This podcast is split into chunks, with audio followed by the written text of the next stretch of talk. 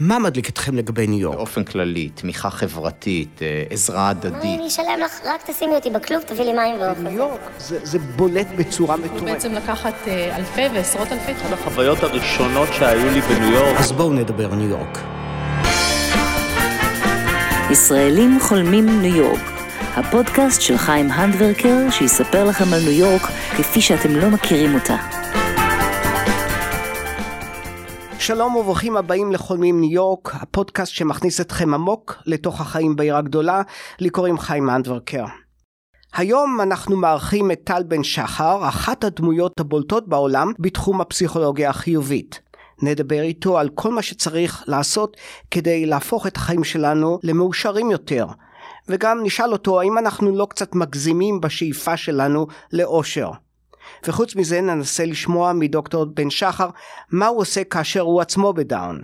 את התוכנית עורך גדעון ריקרדו שגם נמצא איתנו באולפן. והנה אנחנו מתחילים.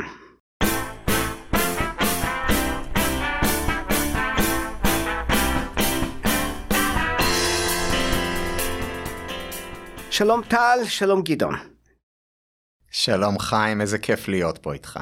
תודה, תודה, תודה רבה. ההיכרות שלנו התחילה לפני 15 שנה. אולי לפני. שמעתי על אחד, טל בן שחר, שיש לו הכיתה הכי פופולרית בהרווארד, עם 850 סטודנטים. אמרתי לעצמי, עם שם כזה, האיש חייב להיות ישראלי. התקשרתי, לקחתי את המשפחה לטיול בבוסטון, ובאתי עם הילדים להקשיב לך. והשיעור היה נהדר. נפגשנו כמה פעמים, הכתבה יצאה במוסף הארץ, המוציא לאור הידוע בישראל משה טריבקס, זיכרונו לברכה, התקשר אליי וביקש את הטלפון שלך, וכך גם התפרסם הספר שלך בעברית. הקריירה שלך נסקה בישראל, ובלי שום קשר אליי גם בארצות הברית. אתה לא המצאת את הפסיכולוגיה החיובית, אבל ללא ספק היית ממפיצי הבשורה שלה.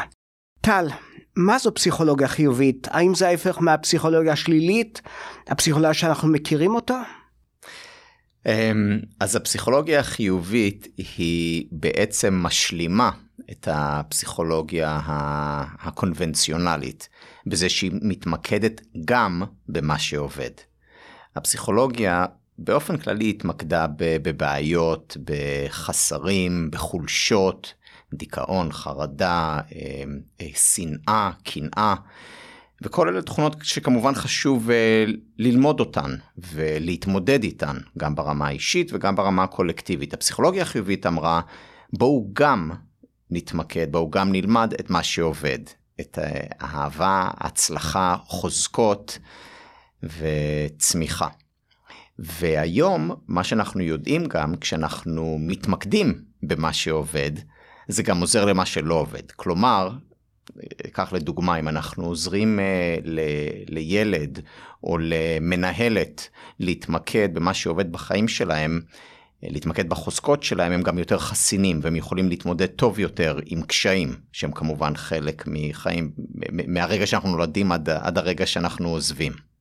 אז לפסיכולוגיה החיובית יש ערך בזה שהיא מעלה את רמת העושר כשדברים טובים וגם עוזרת לנו להתמודד עם קשיים כשהם עולים. עושה רושם שבשנים האחרונות הפסיכולוגיה החיובית תפסה תאוצה והיא הפכה להיות למאוד מאוד פופולרית. האם אני צודק? Uh, לגמרי, עכשיו uh, זה קרה כבר uh, ב-10-20 uh, שנים האחרונות ועוד יותר בתקופת הקורונה. Uh, לדוגמה, רמת החרדה ורמת הדיכאון בעולם עלה לגבהים שלא, שלא הכרנו. והפסיכולוגיה החיובית היא, היא עוזרת לנו להתמודד עם הקשיים האלה. אז כן, יש המון המון אה, דרישה לתחום הזה, בין אם אנחנו מדברים על ארגונים, בין אם מדברים על בתי ספר וגם אה, לאדם מהרחוב. אני חייב להודות שהשם פסיכולוגיה חיובית כ packaging נשמע מאוד טוב כדבר שימשוך אותך, אתה אומר פסיכולוגיה חיובית, כמובן זה חיובי, אני רוצה פסיכולוגיה חיובית. מי יגיד לא לפסיכולוגיה חיובית? כן, אז אה, בהחלט כן, מבחינת אה, אה, ה branding של התחום זה, זה branding טוב, אבל יש עם זה בעיות, ואפילו מרטין צליגמן שנחשב לאבי התחום, מכיר בזה. לדוגמה, הפסיכולוגיה החיובית בעצם, לפי השם שלה אומרת, רגע, אז כל שאר הפסיכולוגיה היא שלילית, ויש עם זה גם uh, בעיה ערכית, כי כשאנחנו מתמודדים עם, uh, עם דיכאון או חרדה, הדברים האלה הם לא, לא בהכרח שלילים, הם דברים שהם חלק מטבע האדם. Uh, אז זו בעייתיות אחת. בעייתיות שנייה היא שהפסיכולוגיה החיובית גם מתקשרת לאנשים עם חשיבה חיובית. תחשוב טוב ויהיה טוב, והדבר היחידי שאתה צריך לעשות זה באמת להאמין שיהיה בסדר ואז יהיה בסדר. וזה לא מה שהפסיכולוגיה החיובית, מדע העושר, טוען. זה, זה, אולי, זה אולי חלק מזה, אבל חלק לא, לא גדול, לא משמעותי. בדרך כלל אם תגיד למישהו תחשוב חיובי, הוא לא בדיוק יחשוב חיובי. אה, אז זה, זה, זו בדיוק הבעיה, כי הרבה מה... כל התחום הזה של העזרה העצמית, ה-self-help, אה, מושתת על הרעיון שאם אה, אתה תאמין שאתה יכול להיות עשיר, אתה תהיה עשיר. אם תחשוב טוב, יהיה טוב. ומה שבעצם זה גורם לאנשים, הרבה פעמים זה לתסכול. כי הם אומרים, הנה, אני חושב טוב, הנה, אני, אני עשיתי... אה, אני מתמקד רק בדברים הטובים בחיים שלי, ואני עדיין לא מצליח, משהו לא בסדר איתי.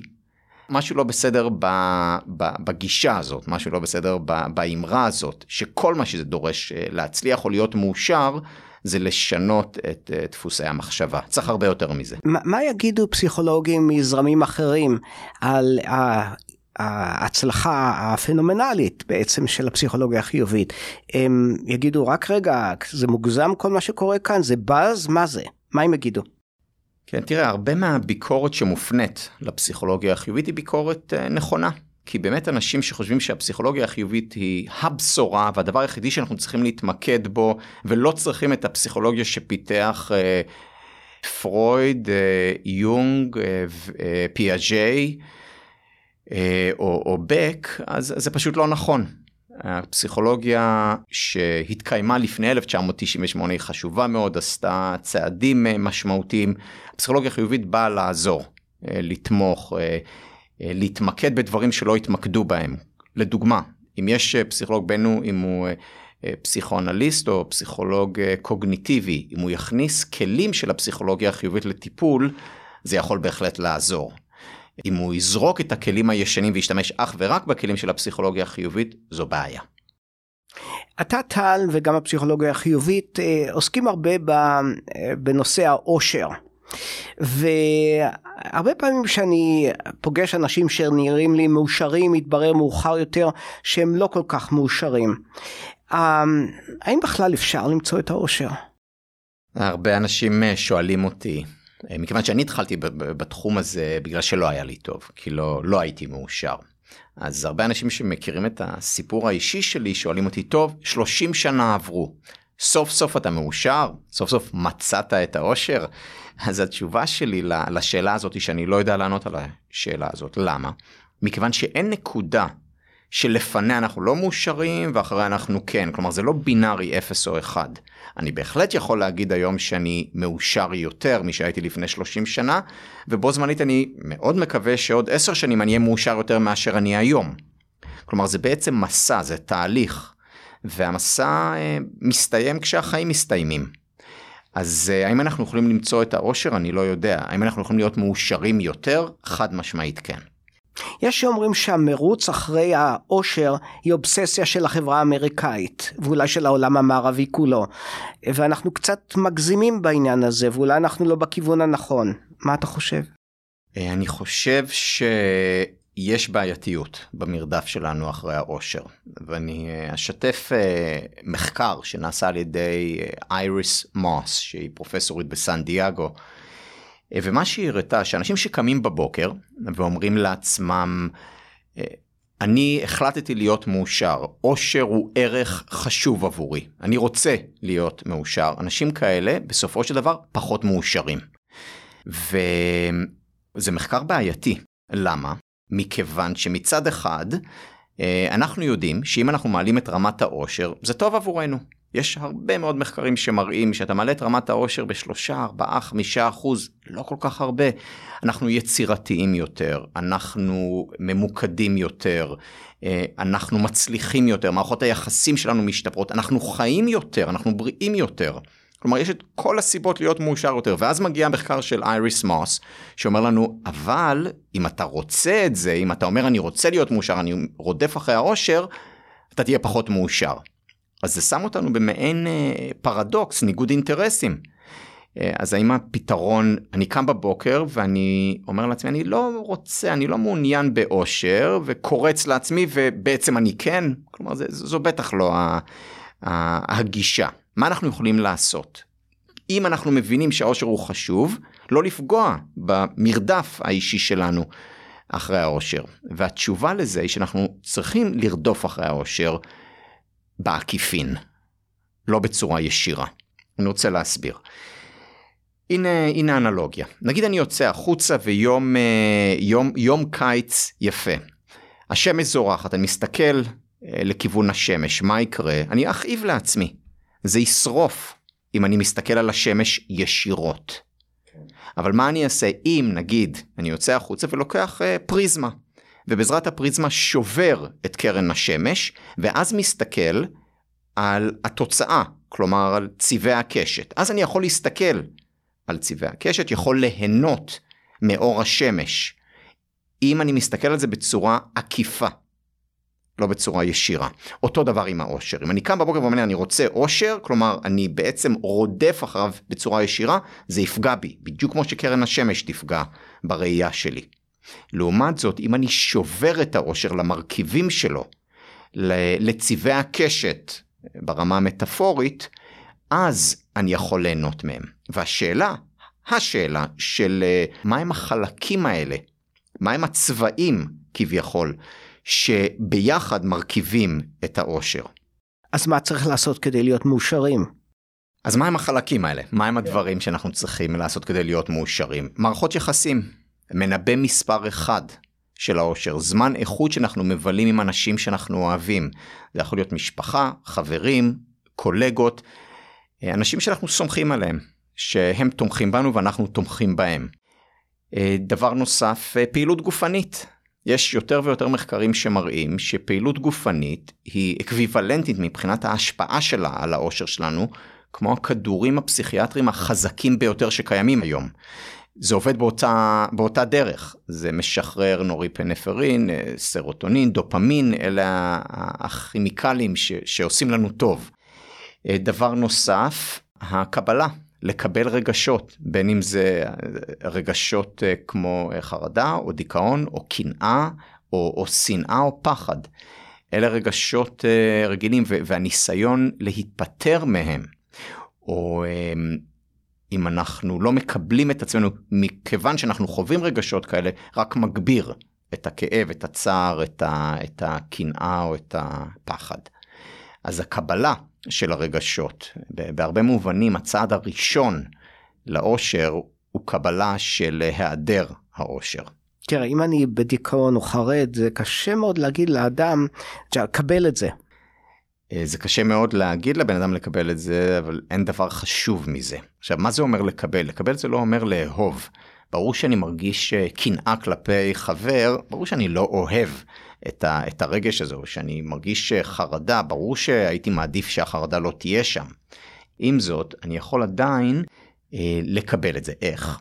לדוגמה כשאני מדבר על זה, הרי איך זה שאנחנו אה, הולכים לפסיכולוג, מדברים אה, במשך אה, 50 דקות ויוצאים ומרגישים טוב יותר. למה? כי דיברנו אה, על הרגש במקום אה, אה, לדחות אותו. דוגמה אחרת, בכי, בכי זה קבלה. של הרגש, זה לא, אה, לא להגיד לעצמי אה, אני חזק, אני לא בוכה, אני יכול להתמודד עם זה בלי, אה, בלי חולשות, ממש לא. ההפך, לקבל את החולשה ולתת לה לצאת החוצה באופן, באופן טבעי. זאת אומרת, יש לך בעיה, תבכה. לגמרי, אתה יודע, יש, הרי הגוף שלנו והנפש זה דבר גאוני, הטבע זה דבר גאוני. אנשים מחפשים ניסים, תסתכלו פנימה ו- ו- ו- ובחוץ, אתם תראו ניסים בכל, בכל מקום.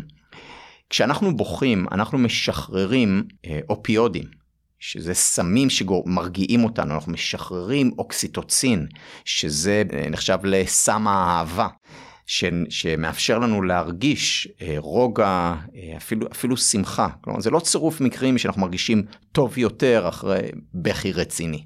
יש עוד איזה שהם עצות ש... אה, שיהפכו אותנו קצת ליותר מאושרים או שהגענו ל... לתחתית. יש הרבה, כמה ימים יש לך. אה, כן, אז אני אדבר על עוד כמה דברים, למשל, אמ, אנחנו יודעים וידענו כבר הרבה זמן שללמוד זה דבר חשוב שאנשים ש, שלומדים שמתפתחים כל הזמן הם לא רק מצליחים יותר הם אה, גם סך הכל מאושרים יותר. מה שלא ידענו מה שהתברר רק לאחרונה שאנשים שסקרנים ששואלים שאלות כל הזמן הם לא רק מצליחים יותר מאושרים יותר הם גם חיים יותר. כלומר יש. Uh, לא יודע בעברית יש את המשפט curiosity kills the cat, הסקרנות הורגת את החתול. לא. ואם לא זה יקרה תוך אז, כמה שבועות כמו כן. שאני מכיר את ישראל. אז uh, כשזה בא לבני אדם סקרנות לא רק שהיא לא הורגת אלא היא מאריכת חיים. הבנתי.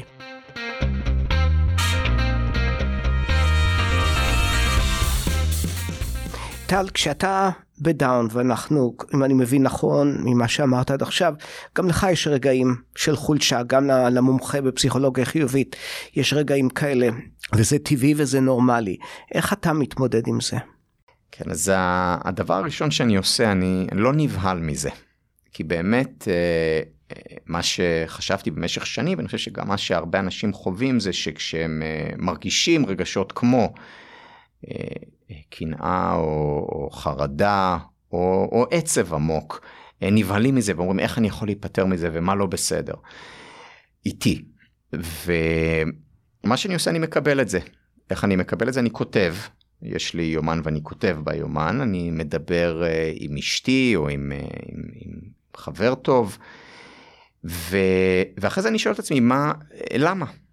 למה אני מרגיש כך? כי בדרך כלל ה...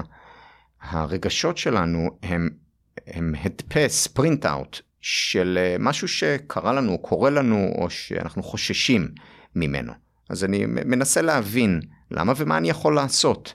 עכשיו, אם זה עובר תוך יום, נהדר. אם זה לא עובר ונשאר אה, יומיים, שלושה, ארבעה, זה בסדר. הצעד הראשון שהוא הקבלה הוא צעד אה, חשוב מאוד. למה? ואני שוב חוזר לגאוניות של הטבע. כי בתוכנו יש מרפא טבעי. בדיוק כמו שאם יש לי פצע אז uh, הוא מגליד ואני לא צריך לעשות שום דבר בנידון, אז כך גם ש, שאני נפצע פנימית הרבה פעמים, לא תמיד, הרבה פעמים לא צריכים לעשות כלום, זה פשוט עובר.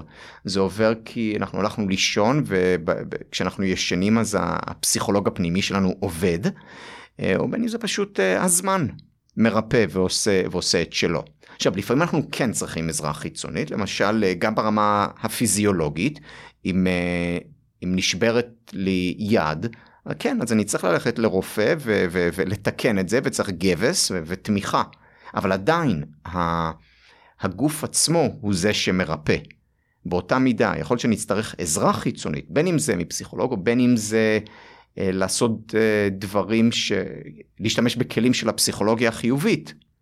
נצטרך עזרה חיצונית, המרפא הטבעי לא מספיק, אבל עדיין המרפא הטבעי הוא זה שבסופו של דבר יעשה את שלו. הבנתי. כאשר אה, אנשים מחפשים פסיכולוג, אחד הדברים שתמיד נראים לי מסובכים מאוד זה למצוא את הפסיכולוג, הפסיכולוגית הנכונים. זאת אומרת, יש אנשים שמפורסמים, ידועים, יש כאלה שקיבלת המלצה ממישהו אחר, אבל בניגוד לרופא רגיל, ששם יש אולי מדדים יותר ברורים וחדים איך למצוא את הרופא הנכון, את הרופא הכי טוב, שגם הם לפעמים טועים, זה נראה לי מסובך יותר למצוא פסיכולוג. פסיכולוג טוב. יש לך איזושהי עצה בעניין הזה?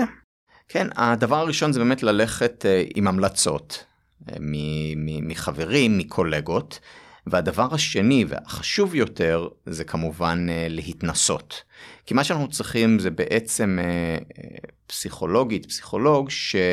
שמקשיבים לנו ושאנחנו מרגישים בטוחים בצילם.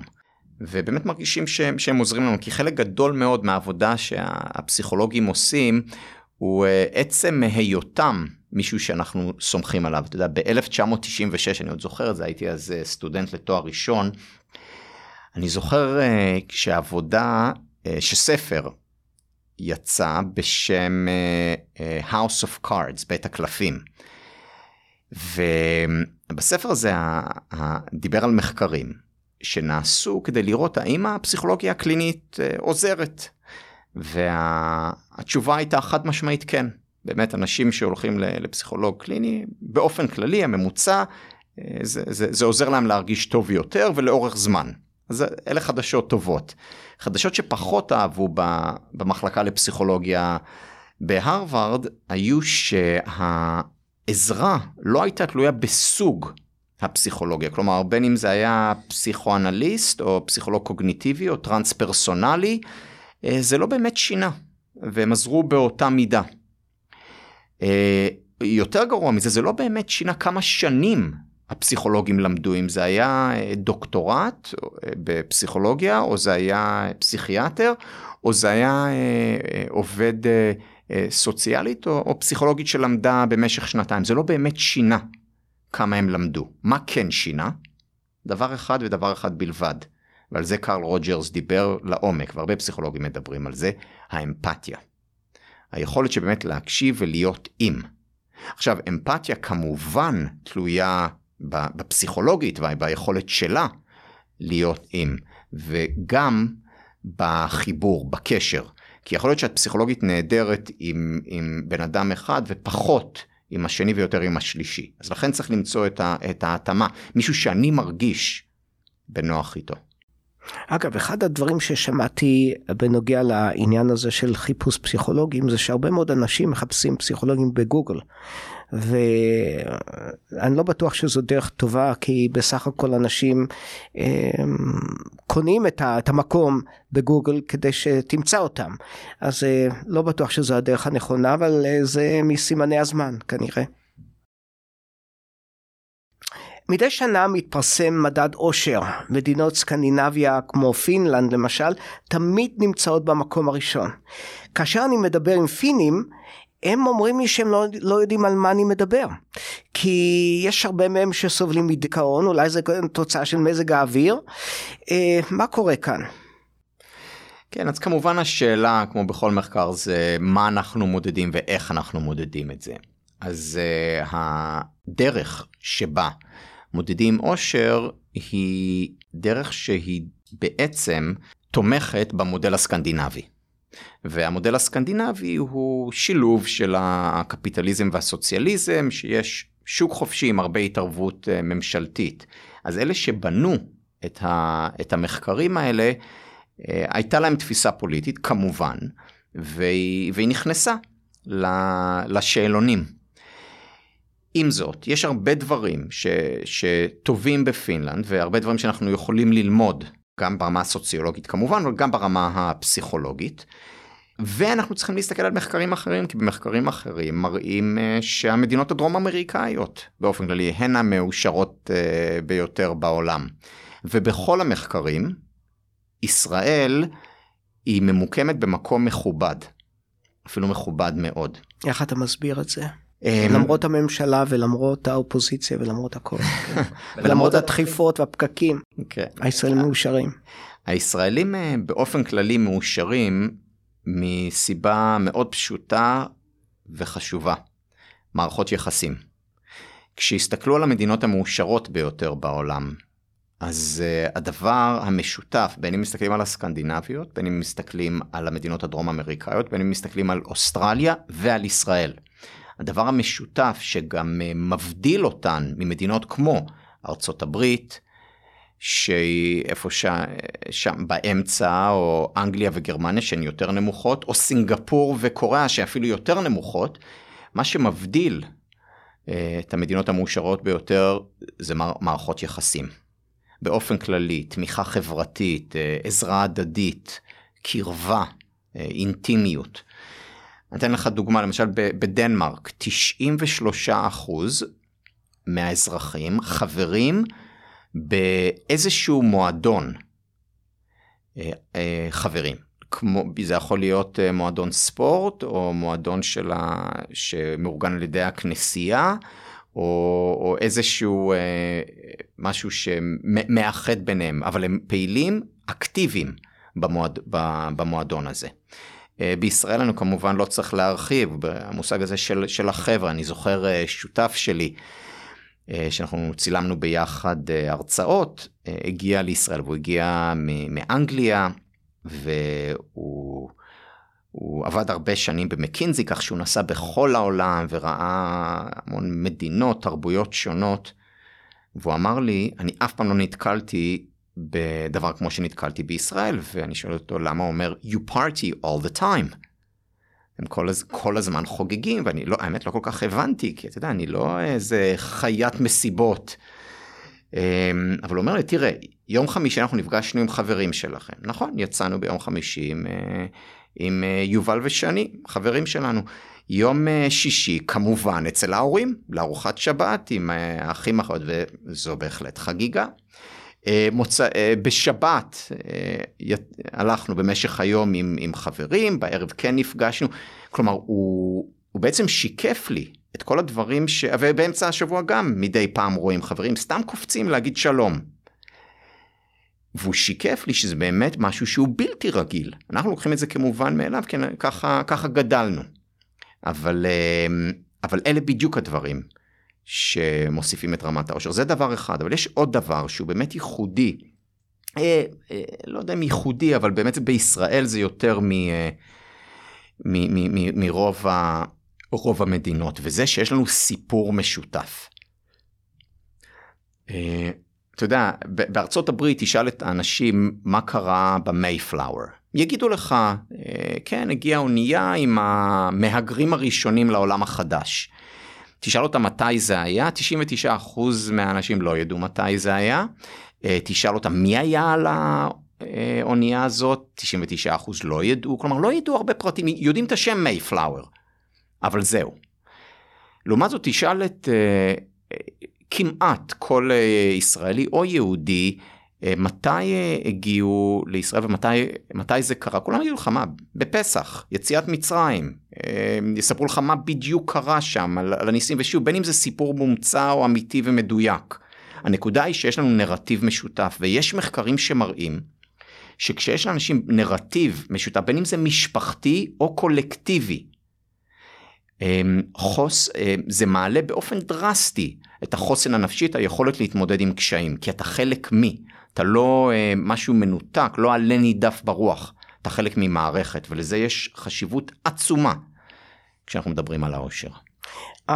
למעשה כשאתה מדבר עם אה, ישראלים שחיים בארצות הברית, אה, ואתה שואל אותם מה בעצם חסר להם בארץ, הם יגידו לך משפחה וחברים, זה בעצם הדבר שאתה מדבר עליו.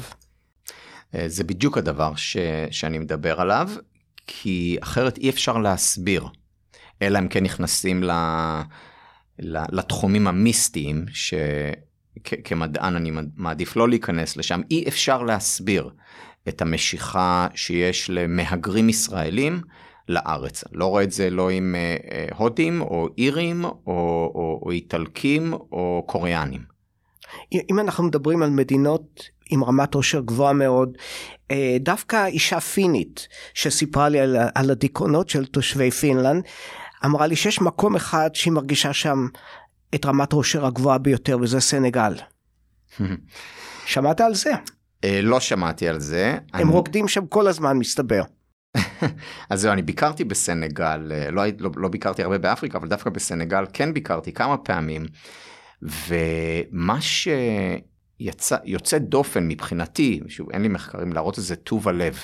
זה כל הזמן לעזור, לתת, אה, ואם אני מחבר את זה למחקרים, אז כן, יש הרבה מאוד מחקרים שמראים שאושר קשור, קשר הדוק עם נתינה וטוב לב. אני חושב שבשיחה קודמת שלנו דיברנו גם על דרום אמריקה, שהעניין של נתינה חזק מאוד שם. נכון, אז uh, בדרום אמריקה זה כמה דברים, זה קודם כל uh, המשפחתיות, וזה לא צירוף מקרים שישראלים מרגישים כל כך בנוח כשנוסעים לדרום אמריקה, זה לא רק הנופים המרהיבים, באמת אנשים חמים. ודבר שני, גם, uh, גם הנתינה וטוב הלב שהם, שהם, שהם קשורים לרמת העושר שלהם ולרמת העושר של אלה שמבקרים שם.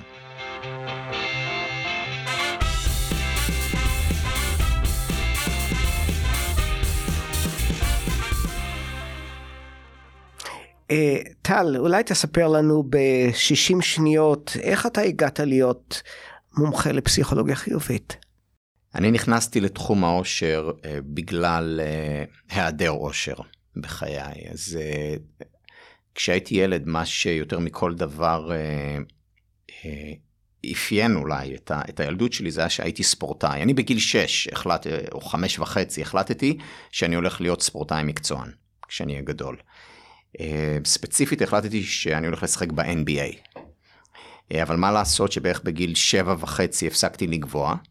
אז uh, חלום הכדורסל נגוז וגם בגיל יותר מאוחר היינו בשליחות עם המשפחה בדרום אפריקה פגשתי את הסקווש וזאת הייתה אהבה ממבט ראשון ומגיל 11 uh, בעצם במשך עשר שנים זה היה מרכז חיי.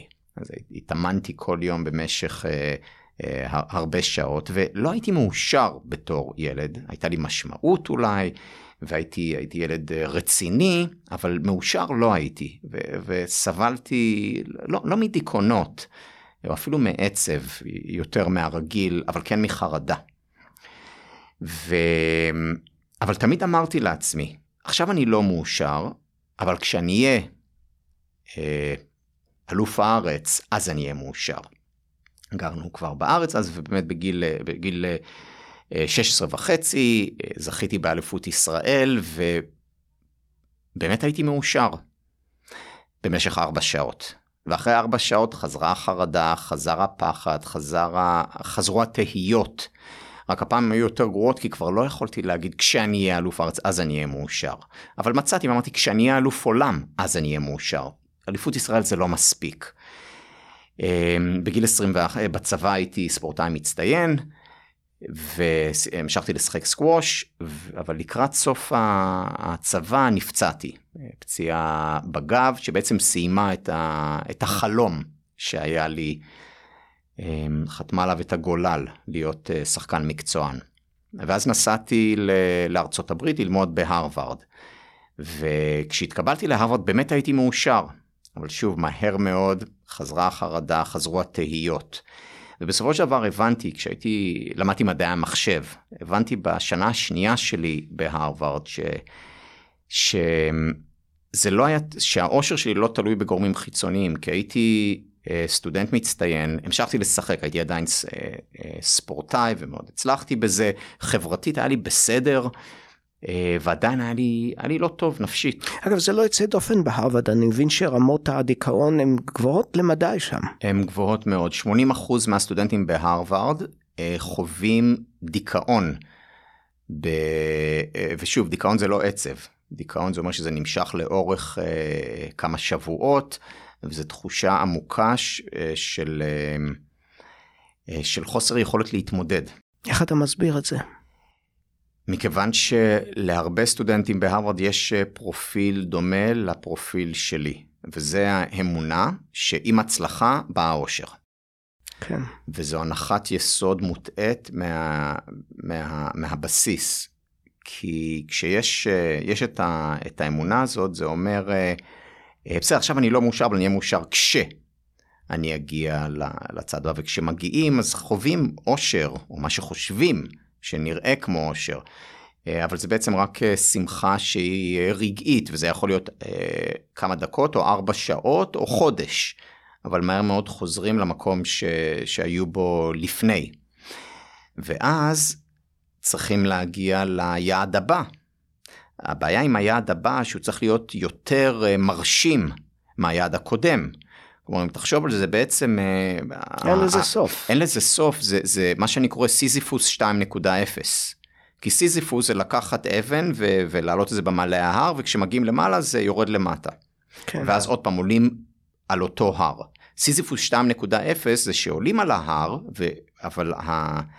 ההר בפעם השנייה הופך כבר ליותר תלול. כי כבר זה לא מספיק לדחוף את זה על אותו הר, ובפעם השלישית זה אפילו יותר תלול מזה, עד שמבינים שזה בלתי אפשרי. כן. ואז מאבדים תקווה. וההבדל בין עצב לדיכאון זה שדיכאון הוא עצב נטול תקווה.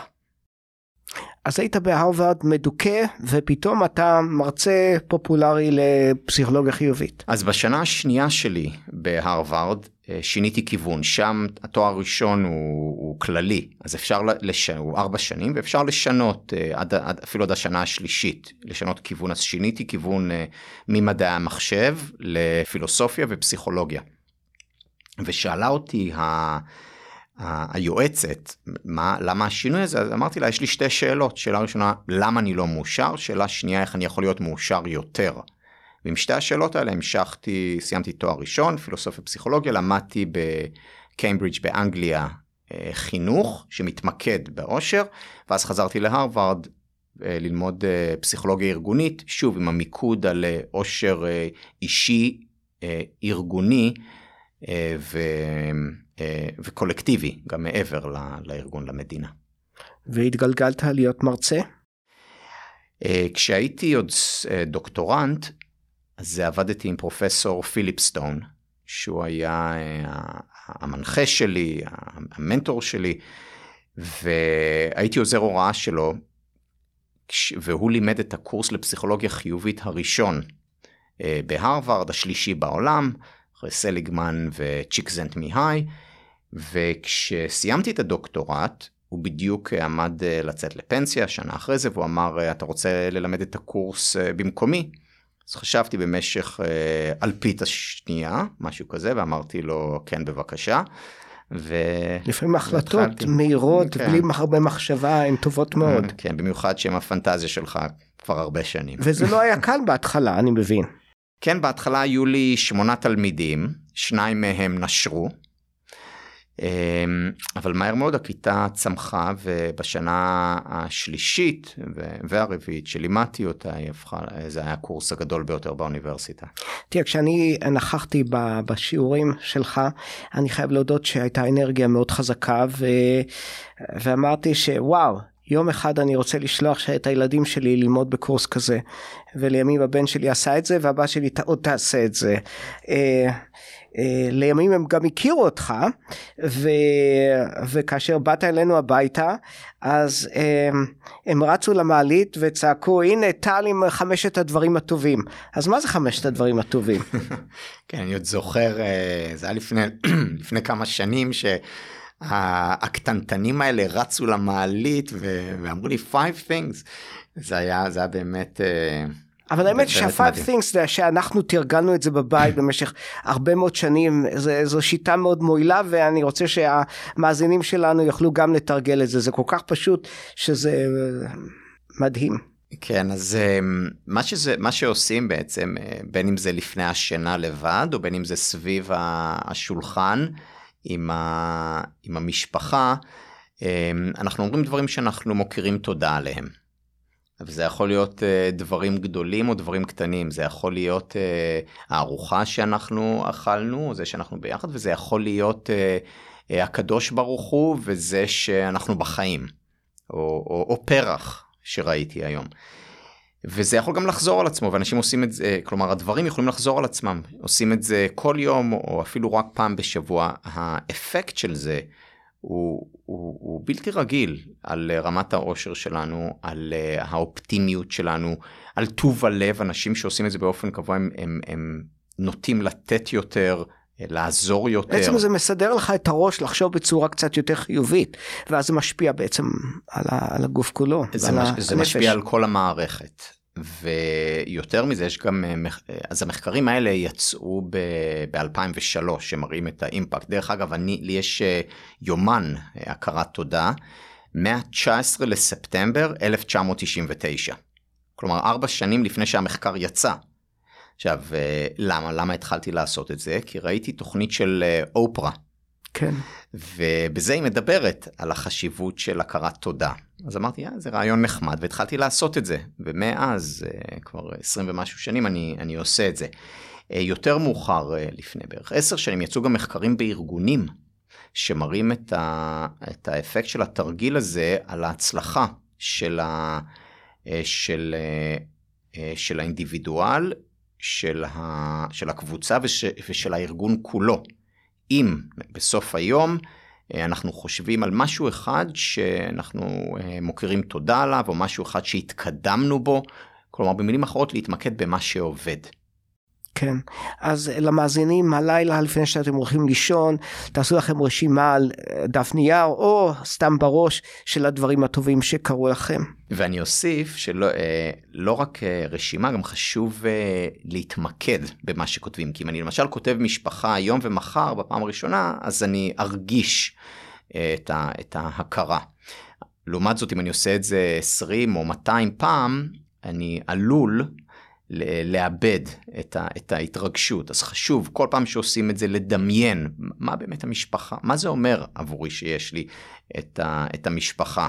וביהדות uh, מלמדים אותנו, כשמדברים על, uh, על תפילה, אומרים להתפלל עם כוונה, לא פשוט uh, לקרוא את הטקסט. אז הכוונה היא חשובה. אז טלה, אתה הפכת להיות למעין גורו, אם אני לא טועה. זו איזו מחמאה או אתה לא אוהב את ההגדרה הזאת? כן, אני חושב שהאסוציאציה... אופציה של יש לאנשים עם גורו זה מישהו שאומר לאנשים מה לעשות והם נוהים אחריו ואני מאוד מקווה שהמערכות היחסים שלי עם, עם סטודנטים אה, היא, היא שונה מאוד. כי דבר שאני מדגיש אה, יותר מכל זה בעצם שאנחנו צריכים למצוא את, ה, את המסלול עבורנו. כשאנחנו מדברים על עושר אז כן יש את המחקרים. שאת אה, אה, רובם אה, לא אני עשיתי, ומי שמחליט אם הם טובים או לא נכונים או לא זה המדע.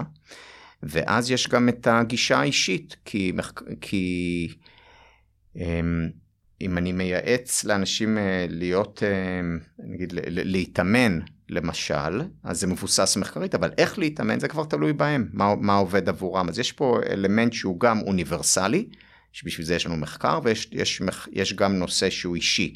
אני מדבר הרבה בקורסים שלי על research אה, וגם על me search, שזה ההבדל בין מחקר אה, חיצוני לבין מחקר פנימי. אה, כן, גדעון? כן, אז על self analysis ולהסתכל פנימה כמו שאנחנו מסתכלים החוצה. אני לא רוצה שהסטודנטים שלי יעשו מה שאני אומר להם, אני מקווה שאני יכול לעזור להם לחשוב עבור עצמם. גדעון, אם אתה רוצה לשאול, אתה יכול לדבר למיקרופון אם אתה רוצה. האמת היא שהוא ענה על משהו, אני רציתי לשאול, אם מותר לי. כן, כן, בהחלט. אה, אה, אהלן. אה, באמת הקשבתי לכל מה שאתה אומר, ובאמת ללמד פסיכולוגיה זה דבר אחד, אבל להעביר את המסר לפעמים דורש טיפה יותר התמקדות ברגש האישי שלנו. אז באמת רציתי לשאול, ואתה ענית לי על זה, על שאתה מעביר את האינפורמציה, אתה... את האינפורמציה שאתה מלמד בעצם לתלמידים שהם חבר'ה צעירים, עוד אין להם הרבה ניסיון, עוד לא חוו את הדברים, אבל איפשהו להדליק את האמפתיה שלהם ביחד עם האינפורמציה שהם מקבלים, כדי שהם יוכלו לראות את הבן אדם מולם, יוכלו באמת אה, לקחת אותו יותר באופן אישי. אז זה מה שרציתי בעצם לשאול, איך אתה עושה את זה. כן, אמ, כשאני מלמד, אז אה, כמובן אה, עוברת כמות גדולה של אינפורמציה. אני מדבר, מלמד אותם על אה, מחקרים, אה, על אה, רעיונות, הגות, אבל יותר חשוב לי מהאינפורמציה זה הטרנספורמציה. ואינפורמציה זה ידע, טרנספורמציה זה שינוי. וכמובן יש קשר ביניהם, אבל כדי להשיג טרנספורמציה, אני משלב בין מחקרים, לבין uh, סיפורים, וזה סיפורים על אנשים אחרים או סיפורים אישיים. וגם uh, שיעורי הבית זה לא רק לכתוב עבודה, זה גם להתנסות בדברים ואז לכתוב על זה.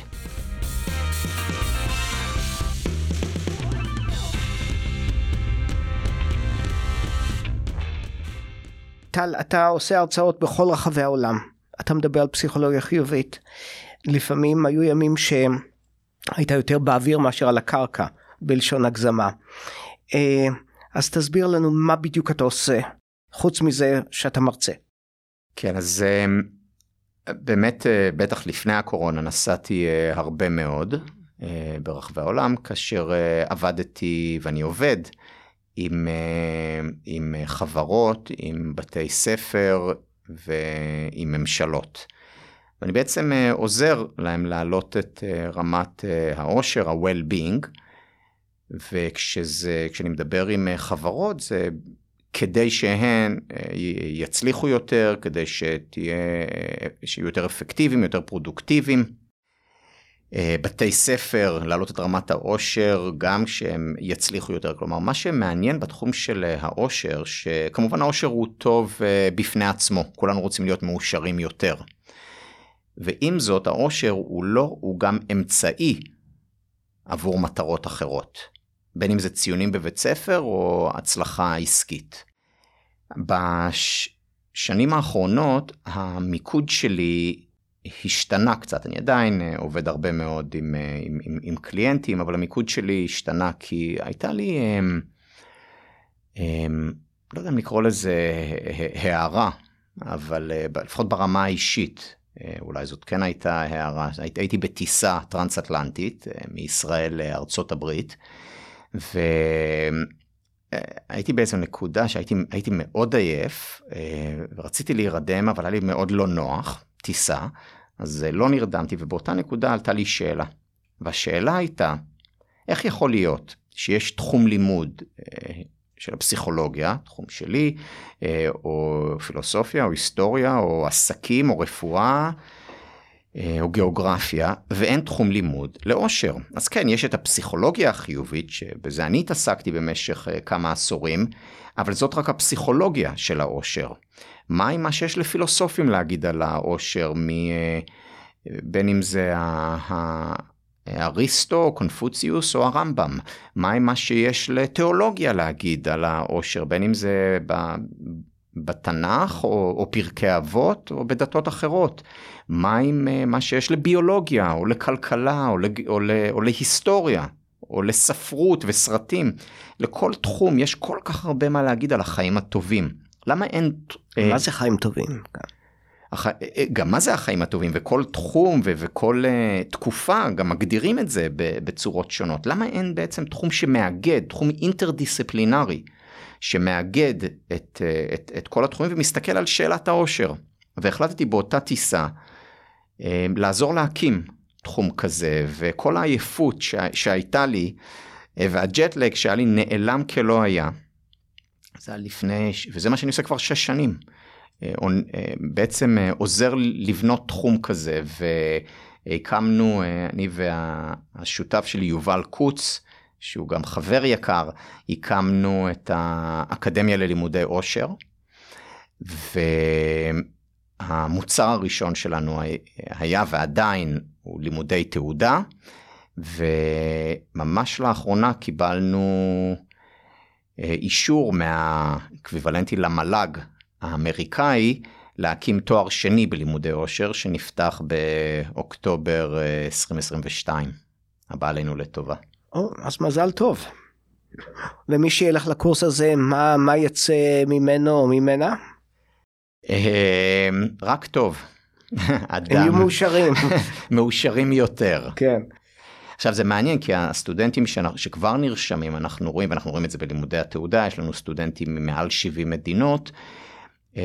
זה פסיכולוגים ו... ומאמנים ואנשי עסקים ומורים ואנשים שרוצים uh, להעלות את רמת העושר האישית והמשפחתית. לנו באמת מכל המגוונים כי, כי לכל תחום זה רלוונטי כי זה רלוונטי לכל אדם. אז בוא נעבור לעוד כמה עצות למאזינים שלנו. אה, מאוד קול לדבר על כך ששינה היא מאוד חשובה. אה, אתה רוצה להסביר קצת יותר בעניין הזה? אה, כן, אז שינה היא מאוד חשובה. אני קראתי ספר של ג'רמי ווקר. הוא פרופסור באוניברסיטת ברקלי. שבעצם מסכם את המחקרים על, ה, על החשיבות של השינה לאושר, לבריאות נפשית, לבריאות פיזית, למערכות יחסים, לעבודה. ורק שתדע לך, אחרי שקראתי את הספר הזה, לא הצלחתי להירדם. מרוב לחץ. זה, זה בדיוק העניין, אני ישן שש שעות בלילה, עכשיו אנחנו, אתה אומר לי תישן יותר, אני אכנס ללחץ כי אני לא ישן יותר, נו אז מה אני עושה? אז, אז מה שעושים, אה, מקבלים את זה גם, גם אם לא נרדמים זה בסדר. העניין הוא שאנחנו באמת עושים הרבה מאוד היום כחברה, אה, אה, ממש להתנגח בשינה טובה. כן. לדוגמה, אתה יודע, השינה הייתה הרבה יותר טובה לפני ה-31 בדצמבר 1879. למה התאריך הזה? מה קרה? תומאס אדיסון הכריז על ה... עכשיו אני יודע מה מקור הצרות שלי, כן, תומאס. תומאס, כן, ויהי אור. אז אמ, אנשים התחילו לישון הרבה פחות. עכשיו זה נעשה הרבה יותר גרוע שהתחילה גם uh, דברים כמו הסמארטפון כי עכשיו אנחנו נגישים כל הזמן כי עכשיו זה המחשב שלנו ליד המיטה שלנו כמובן המסך עוד לפני הרבה שנים הטלוויזיה uh, uh, uh, לא הועילה.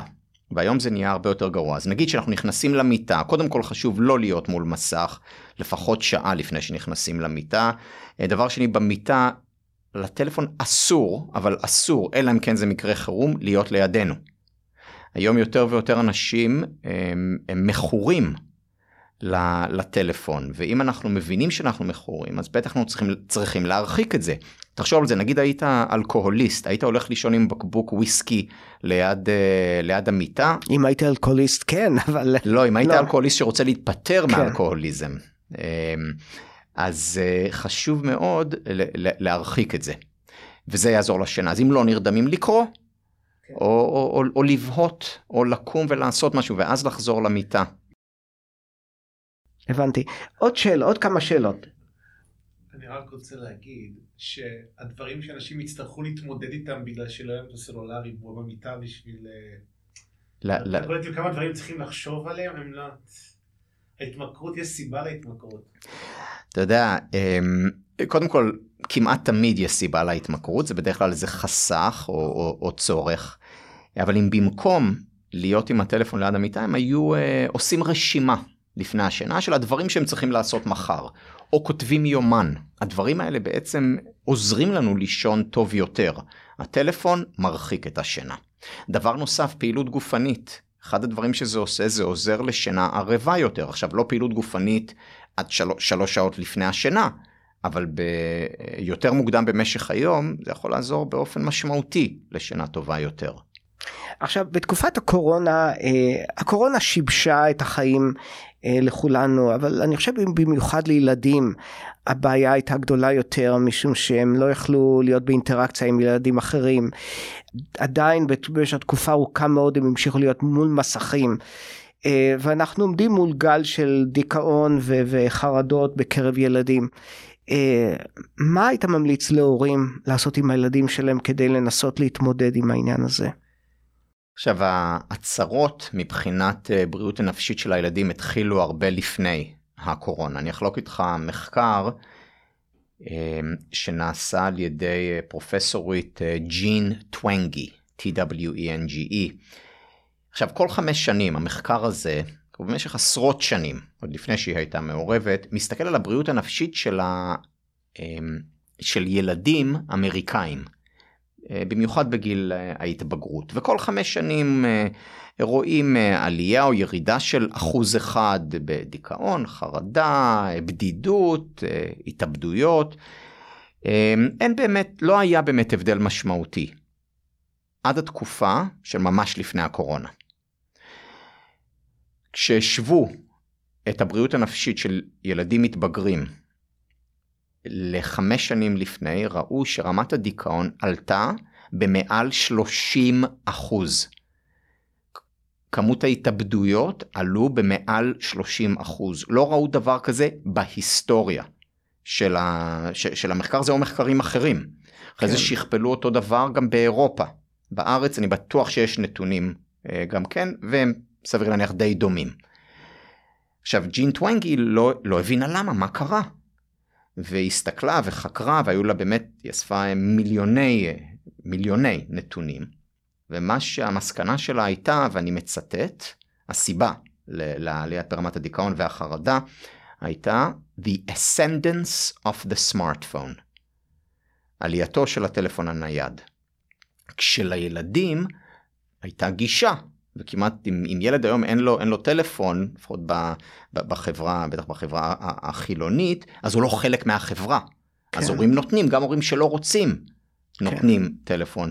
ואז הם, הם, הם, הם יותר בטלפון מאשר הם עם חברים, ואתה זוכר, דיברנו על זה שהמנבא מספר אחד לאושר זה זמן איכות עם אנשים שאנחנו אוהבים ואוהבים אותנו, כלומר מערכות יחסים. וזה לא מספיק, אה, המדיה החברתית לא מספיק. אז מה היית מציע לזרוק את הטלפון? אי אפשר היום לזרוק, לזרוק את אי- הטלפון. אי, אי, אי אפשר וגם לא מומלץ כי באמת אה, אנחנו אז מרחיקים את הילדים הם לא, לא ייפגשו עם חברים כי הם קובעים בסנאפ צ'אט כי, כן. הם, הם, כי הם מדברים ב, אה, בדיסקורד אז אה, זה בסדר עם, אה, עם אה, מגבלה מגבלה של זמן לנו למשל יש אה, כמות זמן שהילדים יכולים להיות בטלפון ויותר מזה יש גם אה, מקומות וזמנים שהם, אה, שאסור להם להיות עם הטלפון, למשל סביב השולחן, כן. או, או ברכב כשאנחנו נוסעים. אני כל הזמן, אני אומר להם, הם שואלים למה, החברים שלנו כן עם הטלפון, אני אומר להם כי אני לא הנהג שלכם, אני אבא שלכם. וזה הזמן שאנחנו אה, אה, אה, מדברים ביחד או מקשיבים למוזיקה ביחד, ו, ו, ו, וכמובן סביב, אה, סביב האוכל אותו דבר. אה, ואני אוסיף, חברה יקרה שלי, שירלי יובל יאיר, שגם כתבנו אה, ספרים לילדים ביחד, אה, שהילדים שלה היו אומרים לה, אבל אמא, משעמם לי. אז היא תמיד הייתה עונה להם, זה בסדר, אה, חמודים, תשתעממו בכבוד. וזה חשוב לתת לילדים היום להשתעמם בכבוד, כי גם בשעמום או בחוסר מעש יש, יש צמיחה. אה, כילד אני חייב להודות שהיו לי הרבה רגעים משעממים של שעמום ואלה היו רגעים של המון יצירתיות. אני פשוט דמיינתי ופינטזתי לעצמי דברים בחצר של הבית שלנו בנס ציונה וזה ממש אני בניתי סרטים שלמים עם זה אז אה, זה לחזק את אה, חשיבותו של השעמום למרות שאני לא אוהב להשתעמם מאוד לא קשה לי מאוד להשתעמם אבל אם כבר משתעממים זה מאוד יכול להיות יצירתי. אה, נכון, ובעבר השעמום אה, פשוט אה, היינו צריכים להתמודד איתו. היום אנחנו לא צריכים להתמודד איתו, כי מיד מדליקים את הטלפון ו, ו, ולא מרגישים את זה, וזה חבל. אגב דיברנו לגבי ילדים בבתי ספר אבל באותה מידה משהו קורה גם לצעירים בגיל ה-20-30 הם היום עובדים בבית ו, וגם כאן בעיניי יש כאן בעיה מאוד מאוד רצינית הם גם לא רוצים לחזור לעבודה הם רוצים ללכת לברים מאוחר יותר אבל הם עובדים בבית וכאן גם אני רואה איזושהי בעיה רצינית מאוד של אינטראקציה עם אנשים אחרים ו, וגם לזה יש לי תחושה יהיה מחיר. אה, כבר יש מחקר לזה. אני אתן לך דוגמה, אני עשיתי מחקר לפני כמה שנים בדרום אמריקה, ושבאמת אולי היה האזור כאזור המאושר ביותר בעולם. ומה שהראינו במחקרים שלנו שאכן המקום הזה הוא, הוא המאושר ביותר בעולם, אה, אבל כשחילקנו את המשתתפים שלנו לגילאים, מצאנו אה, משהו מעניין. ספציפית הסיבה שדרום אמריקה היא עדיין המקום המאושר ביותר בעולם היא בגלל uh, המבוגרים יותר, כלומר גיל 55 ומעלה. אבל כשהסתכלנו על הצעירים יותר, נגיד גיל 18 עד 34, הם היו לא יותר מאושרים מהאמריקאים או האירופאים. וכששאלנו את עצמנו למה, אז ראינו שיש שני הבדלים משמעותיים. בינם, בין הדור הצעיר בדרום אמריקה לבין הדור המבוגר יותר. וההבדלים קודם כל ברמת הרוחניות, אז uh, באמת הדור המבוגר יותר הוא, הוא דתי יותר, יותר הלך ל, ל, יותר לכנסייה, um, אבל גם רוחני יותר, הוא פחות ציני, יותר uh, רואה את, את, את, את הנס ביום יום, ללא, ללא קשר לדת. אבל הדבר המרכזי זה לא היה הרוחניות, הדבר המרכזי היה מערכות יחסים. למרות שלדור הצעיר מערכות יחסים היו חשובות מאוד, רוב מערכות היחסים שלהם, רוב הזמן זה היה דרך טכנולוגיה. והם הרבה פחות בילו פנים מול פנים באותו, באותה קופסת חול, באותה מסעדה, באותו ארגון. הם בילו פחות זמן ביחד עם אנשים אחרים. יש לזה מחיר מאוד גבוה, ו- ובטח ובטח בישראל אסור לנו לאבד את זה. זה אחד מה- מהחוזקות הלאומיות שלנו.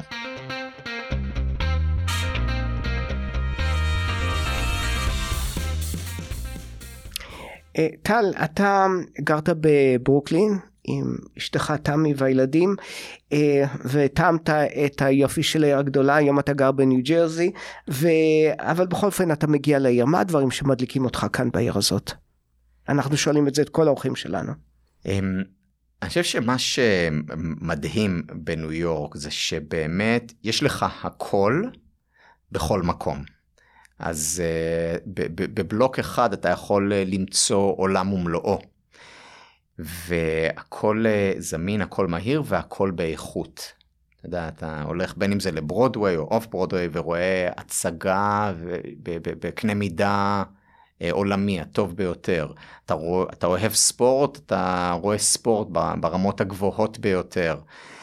אמ, מעניין אותך העולם העסקי, אז אה, יש פה את אה, אנשי העסקים המובילים בעולם. זה האיכות, ודבר נוסף שאני רואה פה זה, למרות שהניו יורקרים, בטח יחסית נגיד לדרומים בארצות הברית, הם, הם גסים, עדיין יש פה, יש פה דרך ארץ. יש פה אה, אה, עדינות, אה, יש פה כבוד לזולת. דבר נוסף שאני מאוד אוהב כאן, זה בדיוק, חשבתי על זה אתמול. אני, אתה יודע, אני, אני ישן עם, עם, עם, עם, עם מכנסי התעמלות, ואתה יודע, קמתי בבוקר, הייתי עייף, רציתי, רציתי לקפוץ, לקפוץ לעיר. אמרתי רגע היה יום חם אני אתלבש לא לא לא הייתי צריך לא זה, מקבלים אותך איך שאתה גם אם אתה יוצא החוצה עם פיג'מה שזה בעצם היה פיג'מה זה בסדר.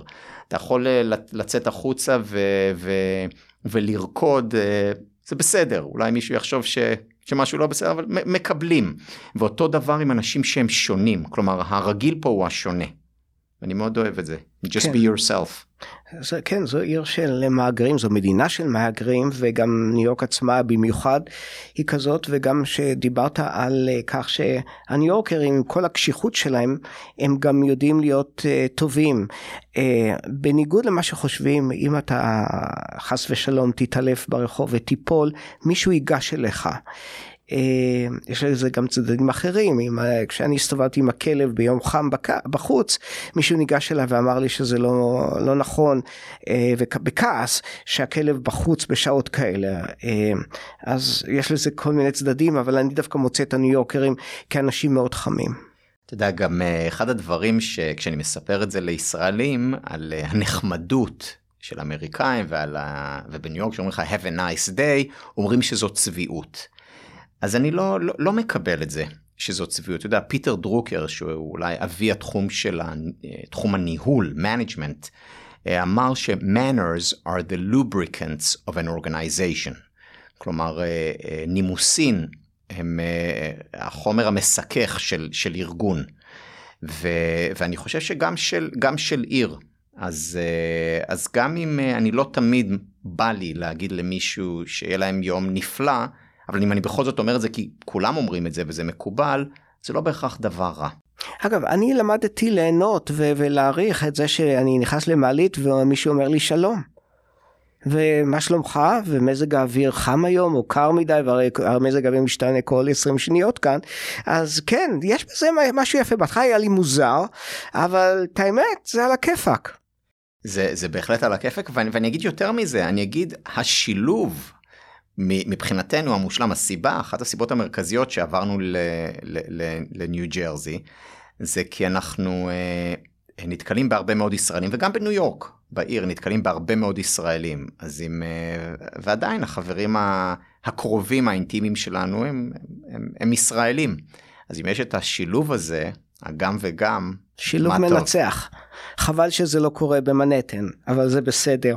Uh, טל, יש לנו כאן מנהג קבוע, אנחנו מאפשרים לאורחים בפודקאסט הזה לשאול אותי שאלות, אז אם יש לך, אז uh, שוט.